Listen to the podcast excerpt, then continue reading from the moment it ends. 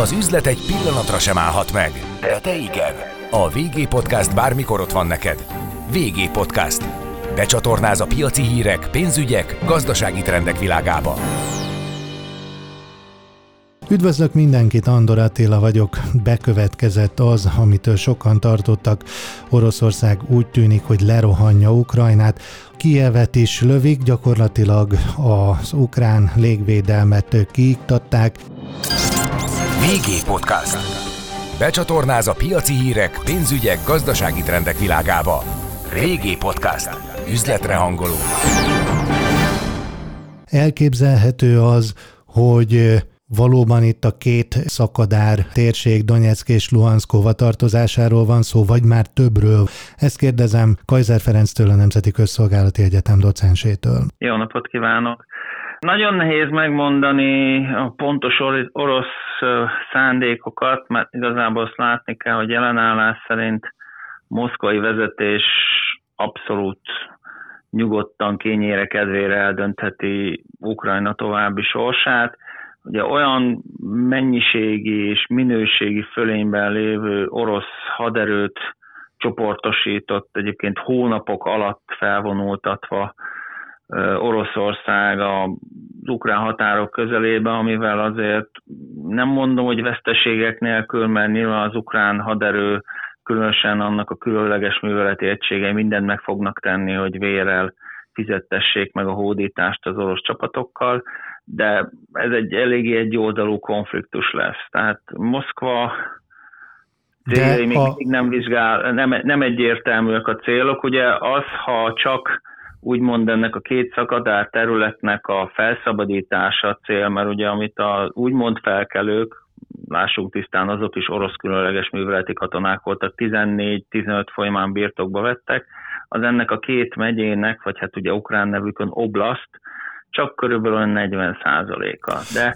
de ha csak ezeket akarták volna elfoglalni, akkor csak onnan támadnak. De ugye most minden irányból megindult a támadás, tehát ugye Belorusszia felül is érkeznek az orosz csapatok, Nekem nem tűnik logikusnak, hogy, hogyha például esetleg nem a kievi rendszer megdöntése lenne a célja, akkor miért támadnák Kievet? Akkor bevonulnak a szakadár területekre, nyilván ott zajlanak helyi fegyveres uh-huh. harcok, előbb-utóbb így vagy úgy anektálják azt a két területet, és aztán, hogy a nemzetközi jogban mi lesz, az egy más kérdés, de minden esetre nem sok köze kéne, hogy legyen ehhez az egésznek Kievnek. Igen, most ugye az oroszok balisztikus rakétákkal és az orosz légierő első lépcsőben ugye a korszerű háborúk sajnos nagyjából ugyanolyan forgatókönyv szerint zajlanak, hogy az amerikaiak is nagyjából 91-ben Irak ellen, 2003-ban Irak ellen, vagy akár 99-ben a koszói bombázásoknál is, először mindig a légvédelmet kell kiiktatni. Ugye a légvédelem része a vadász, vadászbombázógépek, a különféle földi telepítésű úgynevezett légvédelmi rakéták, meg azok a lokátor és kommunikációs rendszerek, amik ezeket irányítják. Na most ezek eh, az országban szanaszét települve vannak, és ugye ha ki ö, sikerül megsemmisíteni, megrongálni a katonai repülőtereket, akkor első lépcsőben minden ország azt a polgári repülőterekre telepíti át a megmaradt vadászgépeit. Most az oroszok egy hullámban Ukrán összes repülőterét tűz alá vették, tehát ezért van az, hogy Kiev környékén is komoly robbanásokat jegyeztek fel, tehát ez a légvédelmemnek a kiküszöbölése. Nyilván vannak sajnos olyan eszközök, amik céltévesztettek, és azok óvatatlan polgári épületeket is eltaláltak sajnos. Maga a háború is egyébként borzalom, tehát az sem helyes, hogyha egy ország egy másik ország repülőtereit lövi, de hogy mi következik ezután, azt még nagyon nehéz megmondani. Moszkva itt nem is annyira az ukrán akciókat nézi, hanem azt nézi, hogy hogy reagál a nemzetközi közösség. Mennyire lesznek kemények a szankciók például. Tehát Mindenféleképpen egy, beszélünk még erről, de ugye azért egy magyar kisebbség is él a Kárpátalján, és hát Ivano-Frankovsk környékén is történtek robbanások. Ugye Ivano-Frankivsk nem Kárpátalja területe, de egyértelműen Ukrajna nyugati vége. Ott, uh-huh. ha jól tudom, egy katonai támaszpontot támadtak. Így van.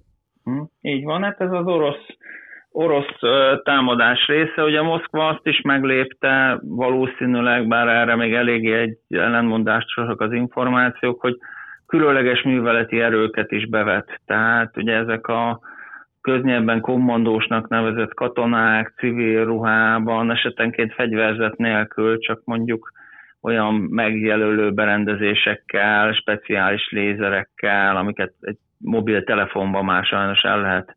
Tehát mobiltelefonnak néz ki valójában azonban egy cél megjelölő lézer és GPS azonosító megjelölő rendszer. Tehát valószínűleg őket is bevetették a pontosabb támadás érdekében, meg akár azért is, hogy spontán felkeléseket szimuláljanak, növeljék a pánikot. Tehát az oroszok ezen a téren már nagyon-nagyon rutinosan gondoljunk csak arra, hogy 2008-ban mi történt akár Grúziával, vagy 14-ben magával Ukrajnával, tehát Moszkva egyszerre több fronton támad, ugye kibertámadásokat is indítottak, a látványos diplomáciai offenzívába kezdtek, és a többi, és a többi. Tehát sajnos az ország egész területét éri támadás, és ugye a kirobbanó pánik, hogy a nagyvárosok lakossága érthető módon igyekszik menekülni, az emberek igyekszenek készpénzt kivenni, igyekszik mindenki kocsiba ülni, tehát ez a üzemanyag ellátórendszert, a benzinkutakat túlterheli, a bankrendszer túlterheli, tehát gyakorlatilag ez egy olyan komoly gazdasági káoszt idézett elő már önmagában a támadás ténye, ami az amúgy sem acélos lábokon álló ukrán gazdaságot abszolút megroppantotta. Van esély bármiféle eszkalációra, vagy ez, ez valóban Oroszország és Ukrajna konfliktusa, hogy mennyire lesz véres, meddig tart, milyen jellegű lesz, mik a célok, az ugye nem világos, de, de megmarad azon a területen.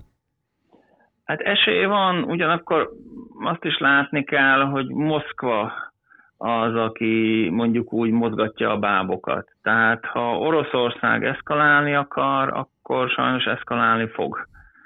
Tehát a nyugat, akár a NATO, akár az EU gazdasági szankciókat jelentett be. Egy-két olyan gazdasági politikai... szankciókat, amik nem tudom mennyire betarthatóak, és itt gondolok az orosz gázfüggésre, ami hosszú távon biztos, hogy oldódni fog Európában, de egyenlőre rövid távon ez egy nagyon egyértelmű dolog.